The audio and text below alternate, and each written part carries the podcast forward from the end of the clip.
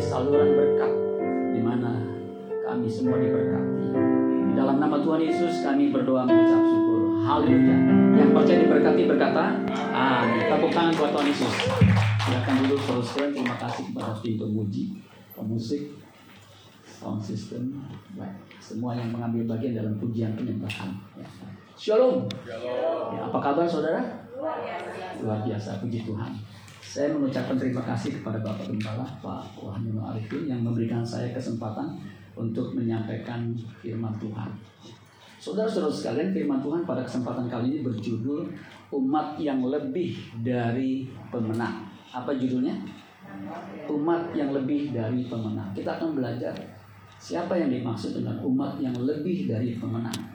Ya dan apa yang dimaksud itu lebih dari pemenang karena sering disalah tafsirkan pemenang itu seperti apa ya nah untuk itu kita buka Alkitab kita di dalam satu di dalam Roma pasal 8 ayat 37 ya Roma 8 ayat 37 yang satu ini kelebihan saudara ya Roma 8 ayat 37 ya Siapa yang dimaksud dengan umat yang lebih dari pemenang? Bagaimana kita bisa menjadi umat yang lebih pemenang? Di sini dikatakan gitu, tetapi dalam semuanya itu kita. Ini tulisan Paulus kita berarti termasuk saudara dan saya yang mendengar saat ini lebih dari pada orang-orang yang menang oleh Dia yang telah mengasihi kita. Nah, kalau saudara perhatikan, kita lebih daripada orang-orang yang menang oleh dia. Jadi penyebabnya oleh dia yang telah mengasihi kita. Ya. Saudara kalau saudara lihat di situ, ya telah mengasihi kita. Ini penting. Kata kuncinya telah mengasihi kita. Ya. Kalau kita lihat konteks dari ayat ini adalah judul perikopnya itu, ya, kalau kita baca, ya, judulnya keyakinan iman. Jadi ini bicara soal iman, saudara. Ya. Keyakinan iman. Kalau terjemahan sederhana Indonesia itu memberi judul tidak ada yang dapat menghentikan kasih Allah kepada kita. Ya, makanya kalau Allah telah mengasihi kita, nggak bisa menghentikan ya Allah untuk mengasihi kita terus menerus. Makanya selama Allah mengasihi kita, selama Tuhan mengasihi kita, kita aman. Ya, makanya jangan keluar daripada Dia. Ya. Jadi kemenangan orang percaya itu disebabkan oleh Dia, ya, oleh Kristus yang telah mengasihi kita, oleh Allah Bapa yang mengasihi kita, yang tidak menyayangkan anaknya, ya, memberikannya kepada kita, sehingga ya, kalau Allah tidak menyayangkan anaknya untuk kita, ya, tidak ada lagi yang bisa kita takuti, saudara. Ya. Ada satu yang mirip ayat dengan Roma 8 ayat 37 ini adalah 1 Korintus 15 ayat 57. Ini mirip. Ya, ini tulisan Paulus juga Saudara ya. Katakan begini, 1 Korintus 15 ayat 57 ayat 57. Tetapi syukur kepada Allah yang telah perhatikan ada kata telah, artinya sudah memberikan kepada kita apa? kemenangan oleh Yesus Kristus Tuhan kita. Kalau tadi di Roma pasal 8 ayat 37 oleh dia yang telah mengasihi kita. Di Roma, di 1 Korintus 15 ayat 57 ya, yang telah memberikan kepada kita apa? kemenangan oleh Yesus Kristus Tuhan kita. Jadi kalau Tuhan mengasihi kita, ya, kemenangan kita itu disebabkan oleh karena Yesus Kristus yang telah mengasihi kita.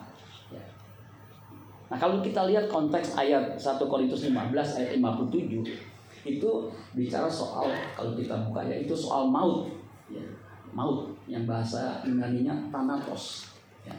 di satu kalau sudah lihat konteks dari uh, pasal 15 itu ya, dimulai dari ayat 1 ya, tentang kebangkitan Kristus kebangkitan kita kebangkitan tubuh nah yang yang bisa mengalahkan maut sehingga kita bisa bangkit dan mengenakan tubuh kemuliaan itu Kristus. Nah kalau suruh baca di ayat sebelumnya itu di ayat yang ke-54 ya, dikatakan gini, sesudah yang dapat binasa ini mengenakan yang tidak dapat binasa dan yang dapat mati ini mengenakan yang tidak dapat mati akan genem, akan digenapi firman yang tertulis perhatikan. Maut telah ditelan dalam apa? Kemenangan. Hai maut maut itu kematian kedua, bukan hanya kematian jasmani, tetapi kematian kedua itu adalah masuk neraka selama-lamanya, penderitaan yang selama-lamanya. Ini masuk neraka itu penderitaan abadi. Masuk neraka itu menderitanya bukan sehari, dua hari, sebulan, dua bulan, setahun, dua tahun, ya sepuluh tahun, dua puluh tahun, selama-lamanya. Makanya jangan main-main dengan hidup ini, saudara. Tetapi di sini dikatakan maut telah ditelan dalam kemenangan. Makanya ayat 55, Hai maut, di manakah sengatmu? Di manakah kemenanganmu? Ya. Hai maut, di manakah sengatmu? Ini pertanyaan retorika yang tidak perlu jawaban. Karena tahu jawabannya. Yang membuat kita bisa menang dari maut itu karena Kristus. Sehingga sengat maut itu tidak ada lagi. Karena sudah ditimpahkan kepada Yesus. Makanya ayat 56, sengat maut ialah dosa. Kuasa dosa ialah hukum Taurat. Namun aku bersyukur tadi kita baca tuh ya kepada Allah yang telah memberikan kepada kita kemenangan melalui Tuhan kita Yesus Kristus. Saudara, istilah menang lebih daripada pemenang ya, suka disalah tafsirkan entah sengaja atau tidak sengaja. Kalau tidak sengaja mungkin ya nggak masalah. Dulu waktu saya belum full hamba Tuhan, saya mendengar penjelasan tentang lebih daripada pemenang itu dengan sebuah ilustrasi. Ya ini hamba Tuhan cukup senior. Ya, saya belum jadi pendeta dia udah cukup senior saudara. Dia bilang gini, lebih daripada pemenang itu adalah orang yang tidak bertanding tetapi dia dapat kemenangan, dapat hadiah. Saya waktu itu saya cukup kritik ya, cukup kritis dalam berpikir. Bilang kok begitu ya? Dia kasih ilustrasi. Ilustrasinya menurut saya make sense. Karena juga saya praktekkan begitu. Jadi dia bilang begini, dia contohkan, ya, saya ini kan hamba Tuhan pelayanan. Ya, ketika pelayanan dikasih PK, lohri, uh, persembahan kasih. Ketika saya bawa pulang, persembahan itu saya berikan semuanya kepada istri saya. Nah istri saya itu lebih daripada pemenang. Jemaat tepuk tangan. Saya masih mikir, enak banget ya bidinya ya. dia, soalnya kalau khotbah itu tempat aduh nggak nggak mudah saudara ya kemarin kan kita penguburan waktu penguburannya itu aduh saya bilang saya di atas bukit begitu naiknya setengah mati. Ini gimana yang menguburin saya mesti masa di bawah ya. Sampai istri saya bilang bisa nggak tuh pendeta? Nanti yang nabur tanah engkau kembali dari debu kembali apa mas uh, dari debu kembali kepada debu dari tanah kembali tanah. Nanti tukang gali sumur yang begitu ini bisa nggak? Nggak bisa. Nggak mudah saudara sekalian. Ya. Kalau apalagi pelayan di gang sempit itu luar biasa susah. Nah dia bilang istri saya itu lebih daripada pemenang. Amin. Foto tangan semua saudara Saya bilang oh iya begitu ya. Begitu itu terus tengiang-ngiang. Sampai saya bilang ya uh, kalau pertandingan tinju, soal nonton tinju nggak? Ya, dulu saya suka juga tinju. Ya, laki-laki mungkin suka begitu ya. Ketika berantem, ya, namanya tinju kan pasti pukul benar nggak? Nggak mungkin tinju jangan pukul saya ya nggak bisa ketika dipukul babak belur tapi akhir menang dapat piala dapat uang. Kemudian uang itu dikasih istri. Nah istri itu lebih daripada pemenang. Nggak babak belur tapi dapat duit.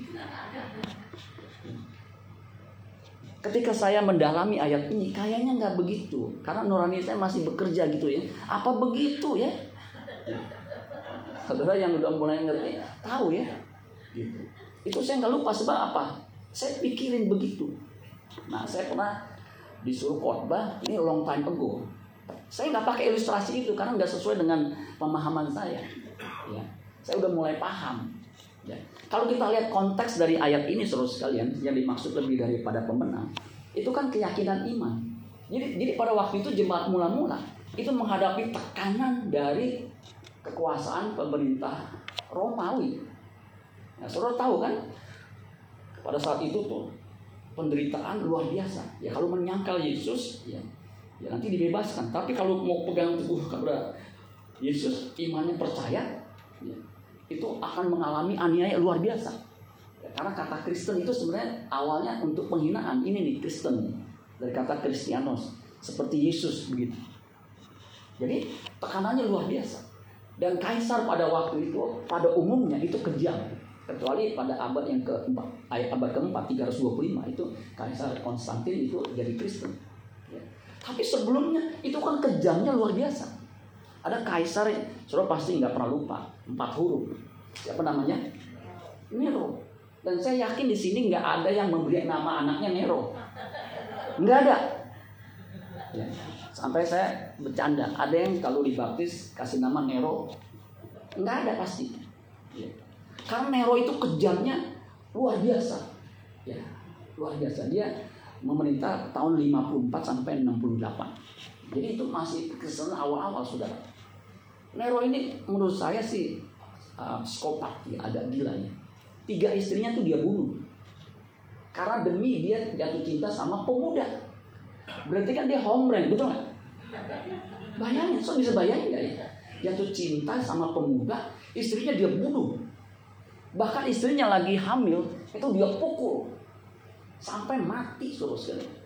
Bahkan ibundanya, ibu surinya, ya, namanya Agripina kalau nggak salah ya, itu juga haus kekuasaan. Dia bunuh. Padahal tuh ibunya yang membawa dia kepada tahta. Tetapi karena dia takut tahtanya keancam, itu dia bunuh. Ini kan luar biasa. Katanya konon dia ingin bangun satu kota yang megah, tapi gimana caranya? Gak ada lahan lahannya sudah terbatas.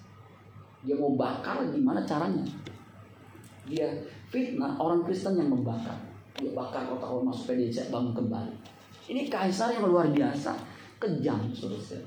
Jadi secara pemerintahan, kekuasaan, uang, money, politik itu orang Kristen nggak akan menang di atas kertas nggak akan menang. Ibarat nih saya ini lawan Mike Tyson, walaupun seumur Biar saya latihan pusat bisa 200 kali. Bahkan saya bisa pusat pakai satu jari, tiga jari begini. Lawan Mike Tyson sampai botak berkutil, jidat berjengkel, saya nggak bakal menang. Sebab apa? Sekali saya kena pukul, ini rahang saya.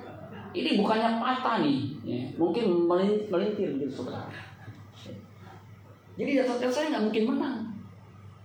Bagaimana bisa menang? Nah itu yang menyebabkan apa? Nah jemaat mula-mula ini kenapa bisa menang? itu oleh dia. Sehingga meskipun ada tekanan harus menyangkal, tidak menyangkal. Itu yang disebut lebih daripada pemenang. Amin.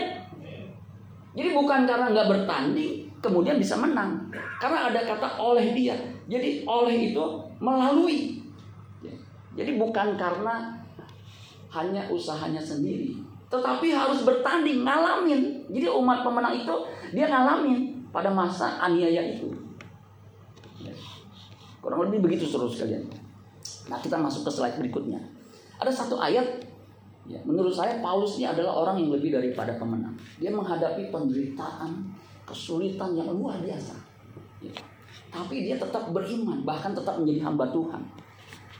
Mungkin hamba Tuhan yang menderita begitu banyak, ya ini Paulus. Ya, saya sih jauh saudara sekalian ya.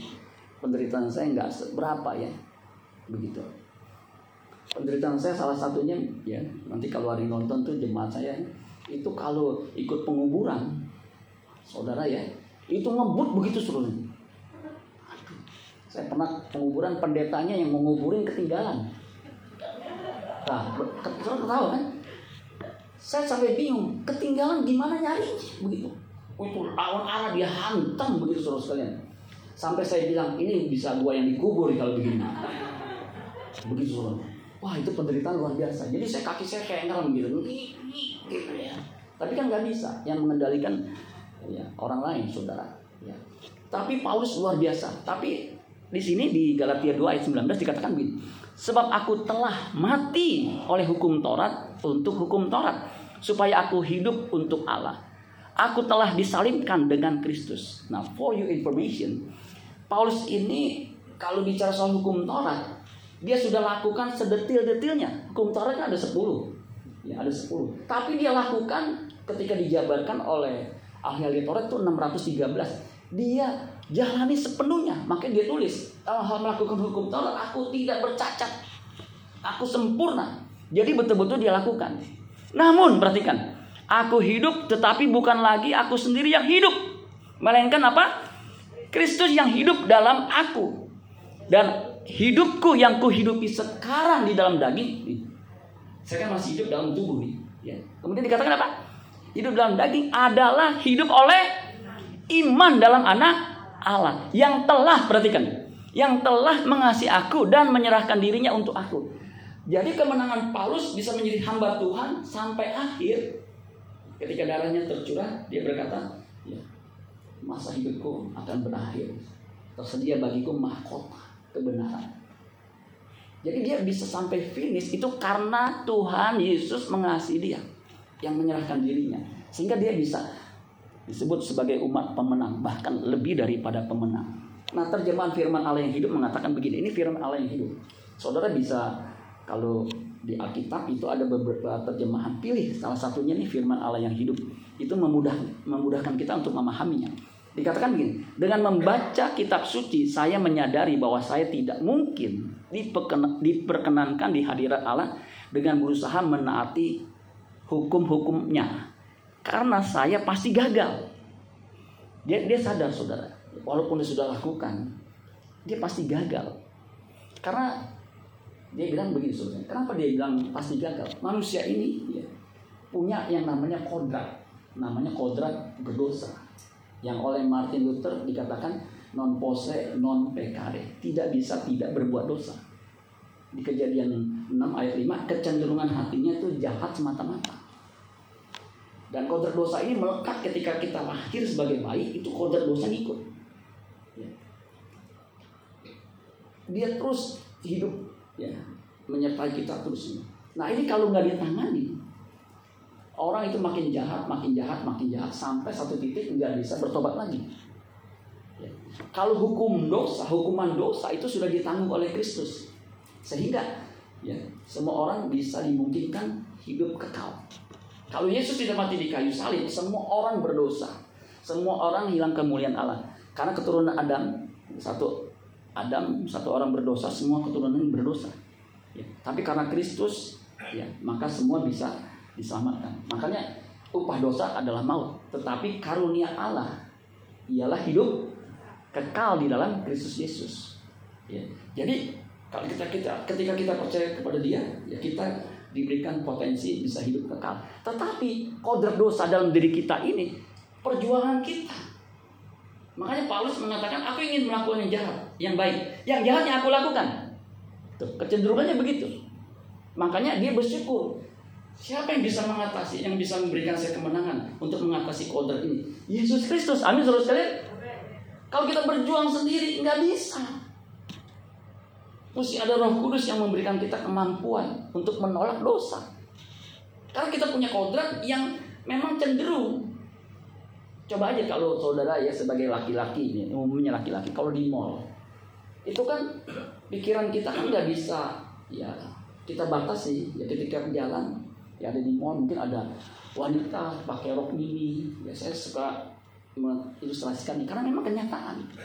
Ya saya suka ke mall karena istri saya suka ke mall. Makanya lagu favoritnya mall mall mall. I want mall gitu. Sampai saya bilang aduh saya nggak suka ke mall sebab apa? Aduh. Kadang-kadang bukan soal uangnya ya. Dia sih nggak nggak raja belanja ya saudara sekalian. Nggak suka belanja cuma lihat-lihat doang gitu window shopping. Udah ini ya udah begitu. Sih aman. Ya. jadi kalau ke mall saya lepasin aja. Ya ada kan orang takut istri pegang terus. Sebab apa? Ini kalau lepas nih dia belanja kartu kredit saya habis. Kalau saya nggak begitu khawatir soal itu. Ya. Nah di mall itu seluruh sekalian itu kita nggak bisa melarang. Jangan dong kalau di mall Ya, laki-laki kan lemah di mata. Jangan pakai celana gemes atau ini jangan. Kan nggak bisa. Kalau laki-laki kan ada yang bening-bening, tinggi, putih, bersih. Dilihat dosa, nggak dilihat sayang. Begini gimana itu saudara? Nah, itu perjuangannya. Kalau wanita kan bukan soal mata dia lihat pria ya pakai celana pendek dia nggak masalah apalagi pakai rok ini pria ini bagi dia nggak ada masalah gitu ya cuma dibilang gila aja ya nah itu waktu saya teliti Roma pasal 7 itu apakah Paulus ini sebelum dia menerima Yesus sehingga perjuangannya seperti itu ternyata enggak ketika dia jadi rasul pun ditunjuk jadi orang pilihan sama perjuangannya pendeta juga sama karena pendeta juga manuk Manusia punya perasaan dan punya hati. Jangan disamakan dengan pisau belati. Sama perjuangannya. Jemaat bisa jatuh dalam dosa nggak? Bisa. Pendeta bisa nggak? Lebih semangat saudara ya. Bisa. Potensi lebih tinggi. Nah itu saudara. Jadi Paulus itu berjuang saudara untuk mengatasi kodrat dosa itu. Nah dia bilang begini. Dengan membaca kitab suci saya menyadari ya, saya tidak akan mungkin ber, berkenan di hadirat Allah ya mana tadi di hadirat Allah dengan berusaha menaati hukum-hukumnya karena saya pasti gagal saya sadar bahwa Allah menerima kita melalui iman kepada Kristus. Jadi iman kepada Kristus ini inti kekristenan. Makanya kekristenan tanpa Yesus sebagai Tuhan dan Juru Selamat itu nothing. Amin saudara sekalian. Ayat 20 saya sudah disalibkan bersama dengan Kristus. Dan yang hidup bukan aku lagi, bukanlah bukan saya, bukan lagi saya, melainkan Kristus yang hidup di dalam saya. Sedangkan hidup yang sekarang saya miliki dalam tubuh saya ini adalah hasil. Perhatikan. Hasil apa? Iman saya kepada anak Allah yang mengasihi saya dan memberikan dirinya sendiri bagi saya. Jadi saudara sekalian, keadaan kita saat ini seperti saya ini, ini hasil iman yang saya tekuni. Gitu. Makanya kita nggak bisa berhenti dalam kekristenan. Harus ibarat itu menjual sepeda, nanjak, itu nggak boleh berhenti terus. Jangan sampai berhenti. Kalau berhenti nanti mundur. Melorot, melorot apa merosot nih? Turun begitu. Makanya harus terus. Ya. Nah kata menang baik di Roma 8 ayat 37 maupun 1 Korintus 15 ayat 57 itu sebenarnya ada hasil. Ya, itu dari kata Yunani Nikonti. Nikonti itu kata dasarnya nikau. Ya, nikau. Itu menjadi kata sifat nike. Ya. Kalau saudara dengar kata nike, ya kalau bahasa Inggris bacanya Nike. Ya. Itu merek sepa, sepatu. Ya, merek sepatu. Jadi diharapkan kalau pakai merek sepatu ini, kalau lari pasti menang. Begitu saudara. Itu filosofinya begitu. Makanya brand-brand itu kenapa bisa memikirkan seperti itu ya karena memang dia tahu filosofi itu penting buat sebuah merek jadi Nike artinya hasil menang ya bahasa Inggrisnya tuh kanker tuh kanker tahu ya? Kantong kering saudara ya? Be victorious itu sinonim. Menjadi menang victory ya. Kemudian overcome ya. Overcome sama tuh mengatasi ya. Kemudian subdue menundukkan Ya, prevail itu sama saudara, sinonim. Itu kata menang dari kata nikau. Nah, lebih daripada pemenang itu ternyata komparatif degree. Komparasi, perbandingan. Ya, misalnya kayak saya. Saya tingginya 168. Pak Wahyono itu tingginya 180. Jadi Pak Wahyono lebih tinggi dari Bapak Pendeta Simon Cecep Suparman. Nah itu saudara. Jadi itu komparasi sama ini menang lebih daripada pemenang. Ya. Karena dari bahasa Yunani-nya hupernikau. Huper itu dari kata hyper, hype. Ya. Bahasa Inggrisnya hype. Ya. Artinya lebih, more. Ya. Itu itu itu kata kerja, ya present indikatif jadi dia kata kerja hasil sekarang begitu. Makanya tadi uh, di satu di apa tuh di ayat yang tadi kita baca di Galatia itu hasil iman, hasil ya. Kemudian kata lebih daripada pemenang itu to be more than conqueror. Ada kata more than. yaitu komparasi. Hooper itu artinya over, beyond, more, more. Ya, coba katakan more. Kok bunyinya ya kayak mall gitu? Mall beda sama mall ya. Nah, tire, tire, tire itu mendefinisikan kata nikau itu bukan hanya tuh kanker. Jadi kalau kita cari bahasa aslinya, terjemahan strong, strong itu ada tulisan tire memberikan definisi. Jadi nggak ada tuh definisi yang tadi awal saya bilang hasil khotbah PK-nya dikasih istri istrinya disebut sebagai lebih dari perempuan. Enggak, karena dikatakan di situ apa? Saya bacain ya. Definisi nikau itu artinya apa? Di situ dikatakan hold fast their faith. Jadi memegang teguh iman mereka even unto even unto death. Karena memang sesuai dengan kondisinya. Pada saat itu menghadap tekanan di atas kertas nggak bisa menang, tapi tetap bertahan. Hold fast their faith unto death, even unto death, meskipun sampai mati. Kemudian dikatakan against against apa? Saya mesti buka dulu ya. Against the power of their foes. Melawan kekuatan musuh. Nah, musuhnya itu pakai S, bukan hanya satu musuh Berarti berbagai macam musuh, banyak musuh. Kemudian bukan hanya musuh, apalagi itu itu kata temptation. Temptationnya pakai S, bukan hanya sekali dicobai. Yesus coba itu sampai tiga kali. Ya. Kemudian and apa? Persecution. Coba katakan persecution. Kalau bahasa Inggris itu ditarik dikit, persecution gitu. Agak susah nih lidah, lidah uh, kampung kayak saya gini. Kalau bahasa ini susah. Ya, kadang-kadang lidahnya nggak cocok saudara. Ya kalau tapi kalau biasa uh, ngomong sama bule ya kita mantap ya nggak kaku begitu. Saya agak kaku ya. Walaupun dulu kerja di multinasional ya ini udah lama nggak dipakai gitu ya. Kalau ngomong sama bule susah saudara. Ya apalagi kalau bulenya dari negara tertentu. Dia ngomong sama kumur-kumur dia nggak ada beda jauh. Ayo sih hanya hanya saya cuman excuse me, pardon me. Sampai empat kali dia ngomong, gua gak mudeng. Sampai saya bilang, I don't understand sir. Begitu gak diulangi. Orang pelanin kek, ya begitu saudara sekalian. Sampai akhirnya dia bilang, ya I don't understand you. Dia bilang, karena saya jelasin juga dia kagak mudeng begitu ya.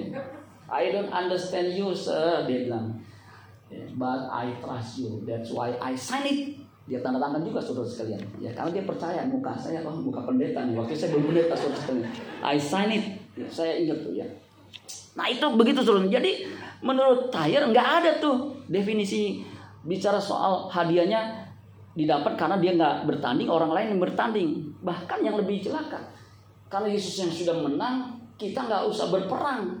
Kenapa? Biar Allah berperang ganti kita. Jadi biar Tuhan yang berperang, kita nggak usah berperang, kita mau ongkang kaki aja seperti istri ongkang kaki. Ya, ketika suaminya pulang, mana uangnya? Udah pelayanannya mana? Waduh, nggak begitu. Untuk istri saya nggak begitu solusinya. Ya. Dia selalu menyertai saya. Ya. Sebab dia adalah bagian logistik saya, saudara ya. saya pernah di Sukabumi, ya, habis pelayanan uh, jam pertama, tiba-tiba saya keringet dingin. Dia berarti kenapa nih keringet dingin? Saya kan memang nggak tahan panas ya maunya yang dingin gitu. Tapi ini kok buntu-buntu begitu ya? Diajak makan sama gembalanya. Pas diajak makan saya udah ngapsu makan saya mau pingsan mau mau gitu ya. Nggak taunya itu gula saya turun sampai bawah. Untung dia cekatan. Cari yang manis-manis supaya naik gulanya. Betul loh. Teh gula itu waktu saya anak-anak saya minum Wah seger lagi mata saya. Makanya saya bisa khotbah lagi tuh berikutnya saudara-saudara. Ya. Nah ini penting. Bayangin kalau nggak ada ini, saya gitu sih, nggak ada yang nemenin Pak Gembalanya kan nggak ngerti segala macam ya, mati di tempat. Ya, kasihan saudara-saudara. Karena kalau gulanya sangat rendah, itu kemungkinan meninggalnya begitu. Makanya nggak heran orang yang sakit gula itu malamnya dia nggak ke mana-mana, paginya udah inalilahi saudara. Ya. Jadi saya butuh istri saya, saya tergantung sama dia. Kalau nggak ada dia, saya nggak bisa apa-apa. Nah, komparasi itu kecil segini big, bigger. Nah, itu komparasi coba lihat di situ ya. Kalau suruh lihat, menang nikau, hupor nikau itu lebih besar saudara sekalian. Ya, begitu. Ya. Nah, saudara, lebih daripada pemenang ya more than kanker itu adalah hasil oleh dia yang memberikan kemenangan yang telah mengasihi tadi lagunya nggak janjian saudara ya itu cocok. Yesus pegang. Apa tadi? Yesus memegang tangan kananku ya. Kalau Yesus nggak memegang tangan kita kita nggak akan mendapatkan kemenangan. Karena kita ini lemah. Di luar aku kamu tidak dapat berbuat apa-apa. Kata dia oleh itu bisa dari kata dia itu bisa juga diterjemahkan, diartikan itu di dalam. Jadi melalui true bisa juga di dalam. Jadi kalau kita nggak melalui dia, kita nggak bisa. Di luar aku, kamu tidak dapat berbuat apa-apa. Seperti ranting, ketika lepas dari pokoknya, dia akan menjadi kering kemudian dibakar habis.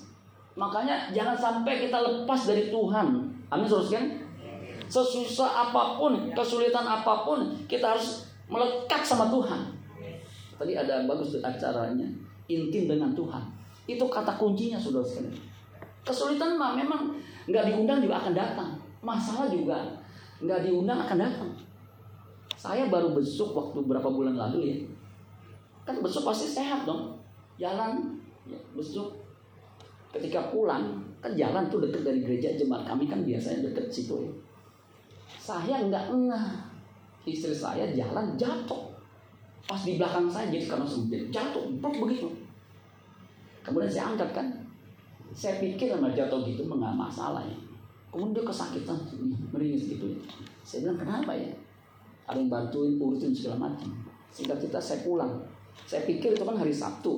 Minggu dia agak meriang. Gue nggak ke gereja deh, dia kok meriang ya. Begitu. Senin dia kok masih sakit. Aduh gimana ya. Udah tiga hari saya bilang udah bawa ke dokter aja. Pas bawa ke dokter, dicek di ronsen kan. Pas di ronsen, patah. Saya pikir retak patah. Jadi patah tahu beda bedanya retak sama patah tahu kan? Patah tuh putus begitu. Makanya dia nyeri. Nah saya bingung nih gimana ya diurut atau gimana atau atau nanti. Tapi kalau ronsen itu kan nggak bisa dibohongin dulu. Kayak di foto.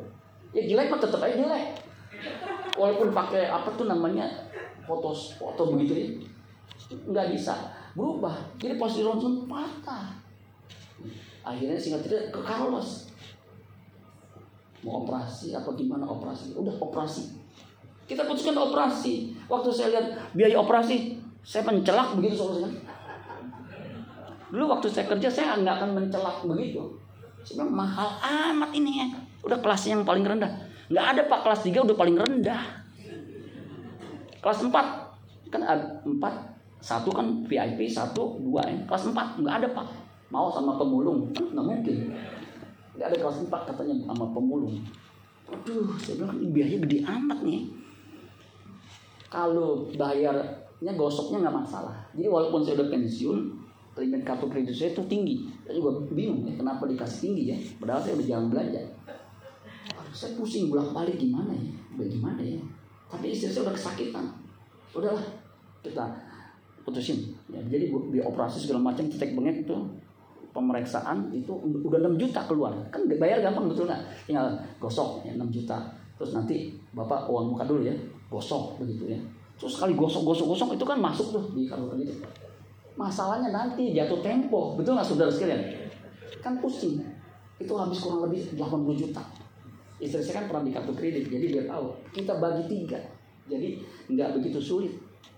Tapi puji Tuhan terus sekalian, ada yang dengar jatuh di operasi, ngasih segepok 10 juta, gepokan 10 juta. Saya bilang lumayan nih mengurangi. Kita kan diem aja nggak enak. Nuh kalau jemaat tahu kan kesian. Jemaat udah juga mengalami kesulitan. Ada yang dengar temannya ini nih. Transfer 25 juta. Aduh istri saya tuh nggak mau ngomong dipaksa minta rekeningnya. Kasih ngapa dia paksa nih. Jangan udah gak usah. Ada dipaksa dia dapat masuk 25 juta. Udah berapa tuh saudara? 10 atau 25 masuk. Nggak lama lagi masuk lagi 25 jadi berapa saudara? 60 itu duitnya cepet saudara. Saya bilang puji Tuhan nih udah kurang 20 mah saya masih bisa sanggup lah ya.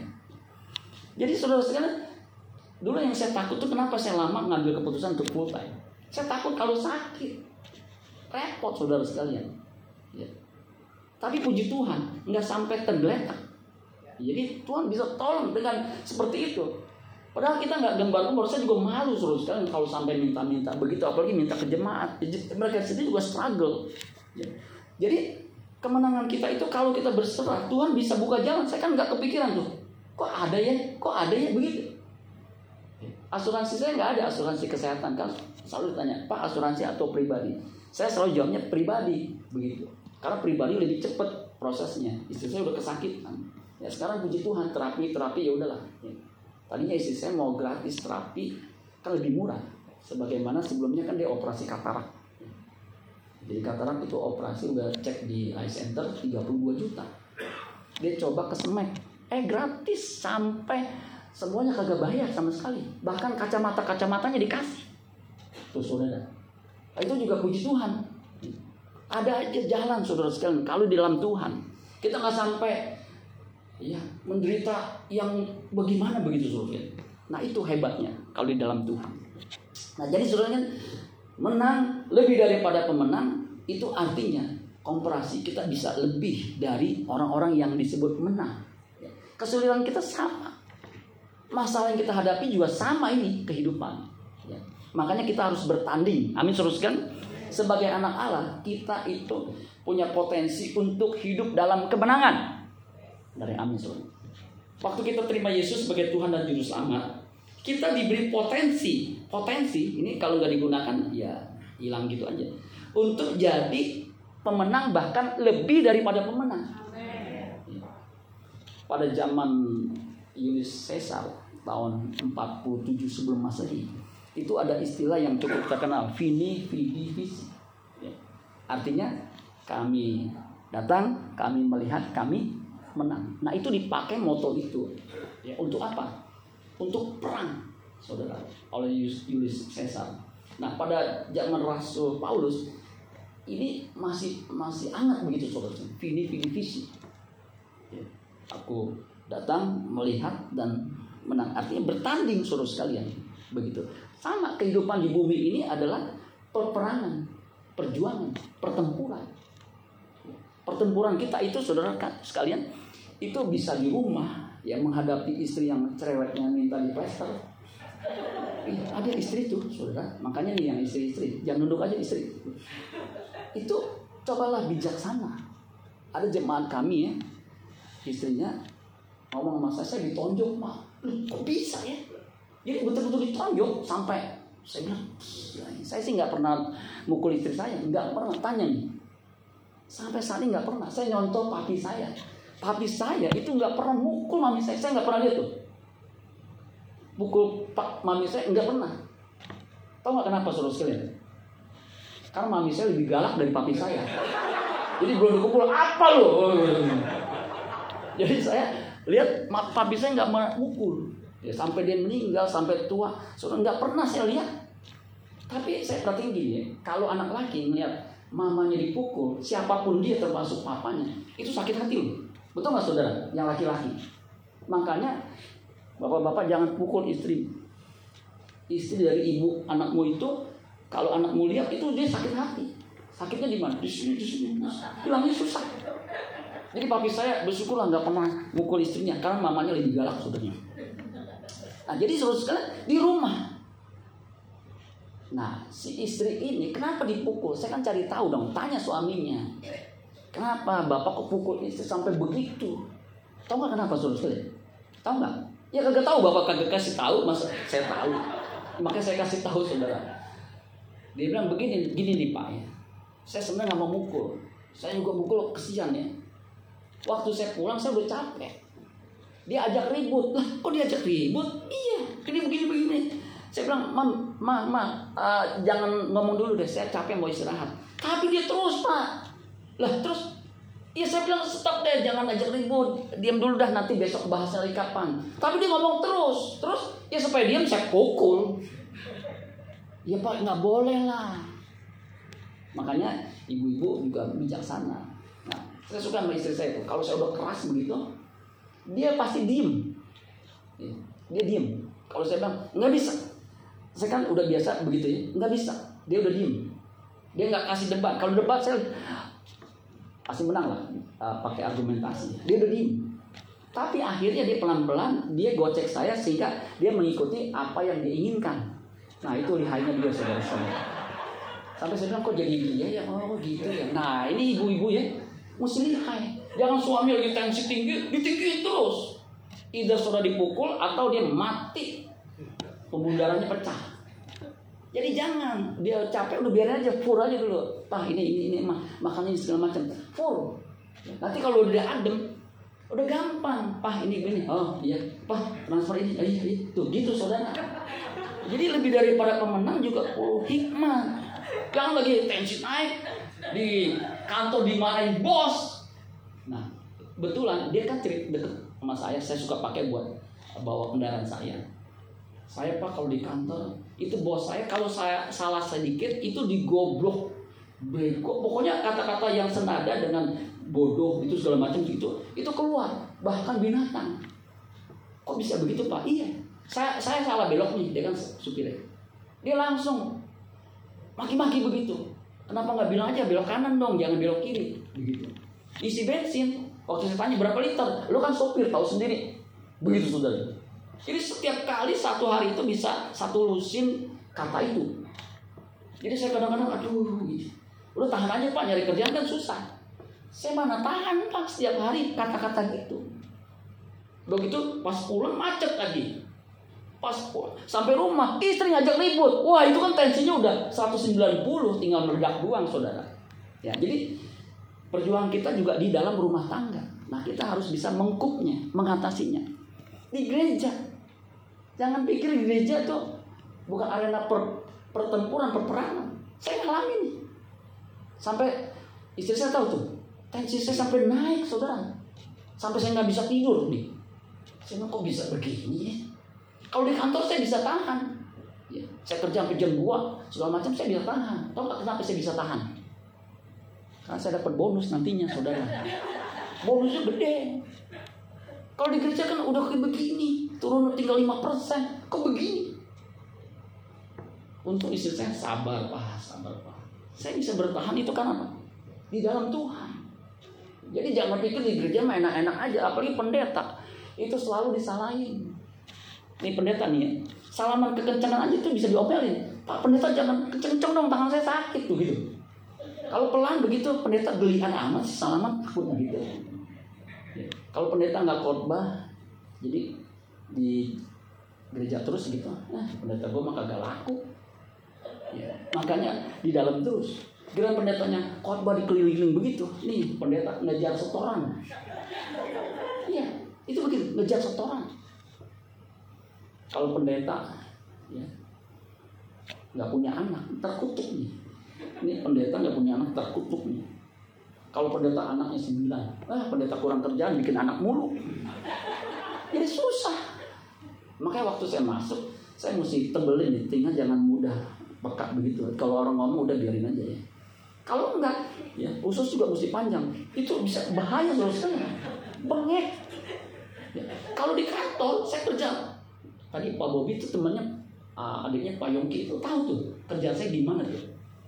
Itu di kantor saya bisa tahan jam 2 pagi itu masih fresh begitu. Kemudian pagi saya datang lagi. Nah, pasti tahu gitu. Makanya julukan saya P14 pagi-pagi pulang petang pinggang pegal pantat panas kepala puyeng potong pinjaman pendapatan pas-pasan. Itu memang saya lakoni. Karena kan dapat bonus, dapat duit, dapat saham, dapat future bonus. Jadi kita bisa bertahan tuh dapat pengharapan begitu. Jadi kalau mulai bulan Desember dapatkan ya, uh, tunjangan hari raya, kemudian nanti bulan mendekati April dapat bonus, kemudian dapat ini saham. Waduh, kalau saham kita uangin, oh gede saudara sekalian. Jadi itu membuat kita bertahan. Nah dalam kekristenan kan nggak begitu di gereja udah begini udah jemaat nyalain kita mulu ya. kalau kita nggak besuk dia ngomel ngomel kita besuk sering-sering amat lu kayak nggak nggak punya kerjaan aja begitu terusnya jadi mau ngomong kita mesti bertahan ah itu pergumulan kita di marketplace ini marketplace kalau yang biasa kerja tahu sekalian harus nyogok begitu Untung saya kerja di institusi nggak boleh nyongkok. Bahkan memberikan benda apa pun mesti declare, isi form. Jadi pernah ada yang ngasih pulpen ini, ya, harganya jutaan. Mereknya suruh tahu ya. Itu mesti declare, declare nanti kena suap begitu saudara. Nggak boleh nyuap, nggak boleh disuap. Nah, kalau nggak seperti itu saudara kan kan sulit. Kita nggak nyuap, kita nggak dapat proyek, nggak bisa ikut tender kita nyuap nanti kena KPK. Gimana tuh suruh sekalian? Sulit. Mesti tanya Tuhan gimana nih? Yang pasti nggak boleh suap. Amin suruh sekalian. Nah di marketplace itu sulit ininya, lika-likunya. Ya. Kemudian di mana lagi? Di sosmed. Ini yang paling bahaya nih. Nih di sosmed ini. Saya lebih banyak pakai ini untuk nyiapin kota karena lebih gampang begitu. Kalau di internet, di komputer, di laptop tinggal rapi-rapin aja. Ini bahaya nih.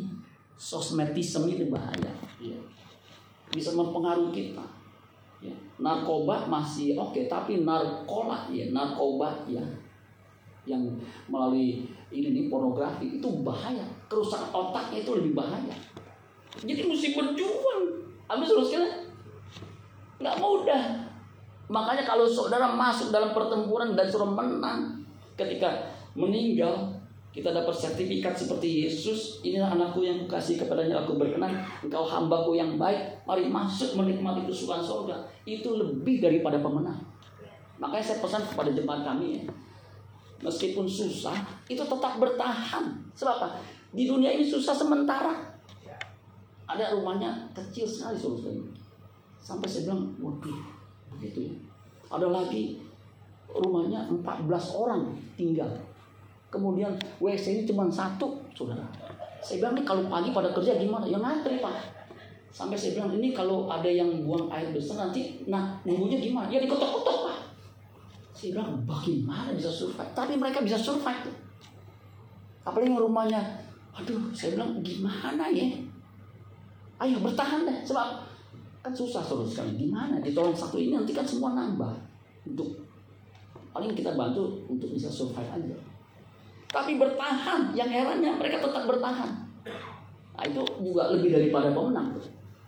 Saya pernah ya, waktu nungguin istri saya di Carlos, itu tidurnya di mana ya? Kalau dulu kan dia pernah di satu desk kayak kuping itu di VIP karena masih diganti. Kemudian satu lagi waktu operasi apa tuh ya? Breast cancer itu kan di VIP. Yang nunggu dapat makan, dapat spring bed yang empuk begitu. Ya. Kemudian enak lah. Ya nunggu mau berapa hari pun diganti. Nah ini kelas 3 tuh nggak ada buat ruang nunggunya nggak ada. Saya pikir ya bisa lah kalau dia ngantuk pasti dia tidur. Jadi cuma saya bawa matras kecil yang berapa mili begitu. Kemudian saya tidur di sampingnya. Saya pikir kalau udah ngantuk mau udah pasti tidur. Saya take granted begitu. Betul pas udah malam saya pikir gampang ya. Saya begini. Kok nggak bisa tidur ya? Sakit kepala ya. Kenapa sakit ya? Kemudian kok pantat saya sakit ya? Saya begini. Loh, kok sakit ini ya? Saya begini. Aduh, kok bisa gak bisa ya? Saya begini lagi. Kok gak bisa ya? Saya bolak balik aja begitu tuh. Itu saya. Saya bilang nggak apa-apa lah. Pasien katanya kalau tidur nyenyak itu recovery lebih cepat. Saya golar, golar, golar. Hari pertama masih kuat. Pas mau mandi, aduh gimana? Pasien mau mandi gimana ya?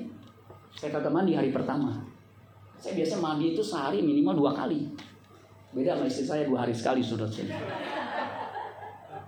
Jadi saya nggak mandi nggak apa-apa lah. Dia sehari sekali saya hari ini nggak mandi. Hari kedua, gimana ya? Nggak mandi lagi suruh sekali. Aduh nggak apa-apa deh. Nggak ada pelayanan ini kan begitu ya. Hari ketiga kagak mandi lagi suruh Coba mau mandinya gimana suruh Belum mandi udah diketok-ketok. Jadi saya bisa bertahan tuh suruh sekalian. Untung cuma tiga malam, tiga malam. Kalau empat malam, lima malam, saya betul-betul jadi pemulung, seterusnya nggak mandi-mandi. Sebab mau mandi susah. Pas saya pulang suruh sekalian, aduh, saya mandi sepuas-puasnya. Aduh puji Tuhan ya. Ini bisa mandi aja tuh puji Tuhan tuh biasa Sehat, bisa makan enak itu puji Tuhan. Ya. Apalagi makanannya enak saudara sekalian.